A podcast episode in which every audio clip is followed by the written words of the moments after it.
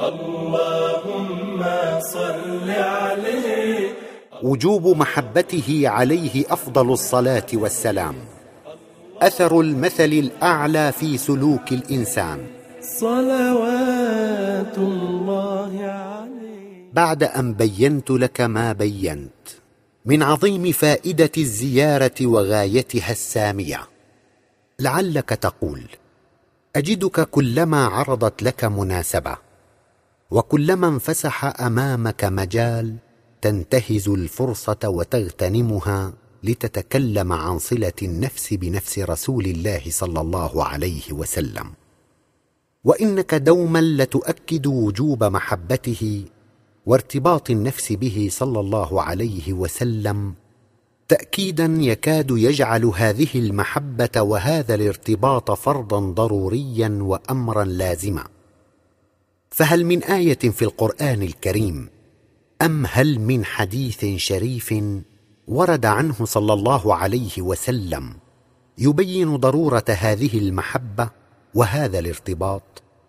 أم أنها أذواق تتذوقها وأشواق اعتلجت في نفسك وحلت بها لا تبرحها؟ فجعلت تتحين الفرص وتوجد المناسبات لتعبر عنها وتبثها؟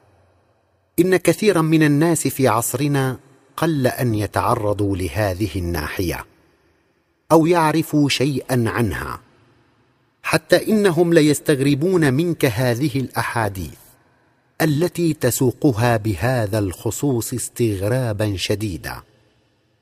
فهل من أثارة من علم أو هل من مستند إلى كتاب أو سنة يشير إلى هذه الناحية؟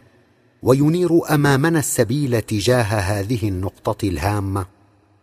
وفي الجواب عن هذا السؤال وتوضيحا لهذه الناحية أقول ما أوصل كثيرا من الناس إلى ما أوصلهم إليه من بعد ذريع عن طريق الفضيلة والكمال وما أوقعهم فيما أوقعهم به من تدهور مريع في الدين والأخلاق إلا عدم تقديرهم وتعظيمهم لرسول الله صلى الله عليه وسلم.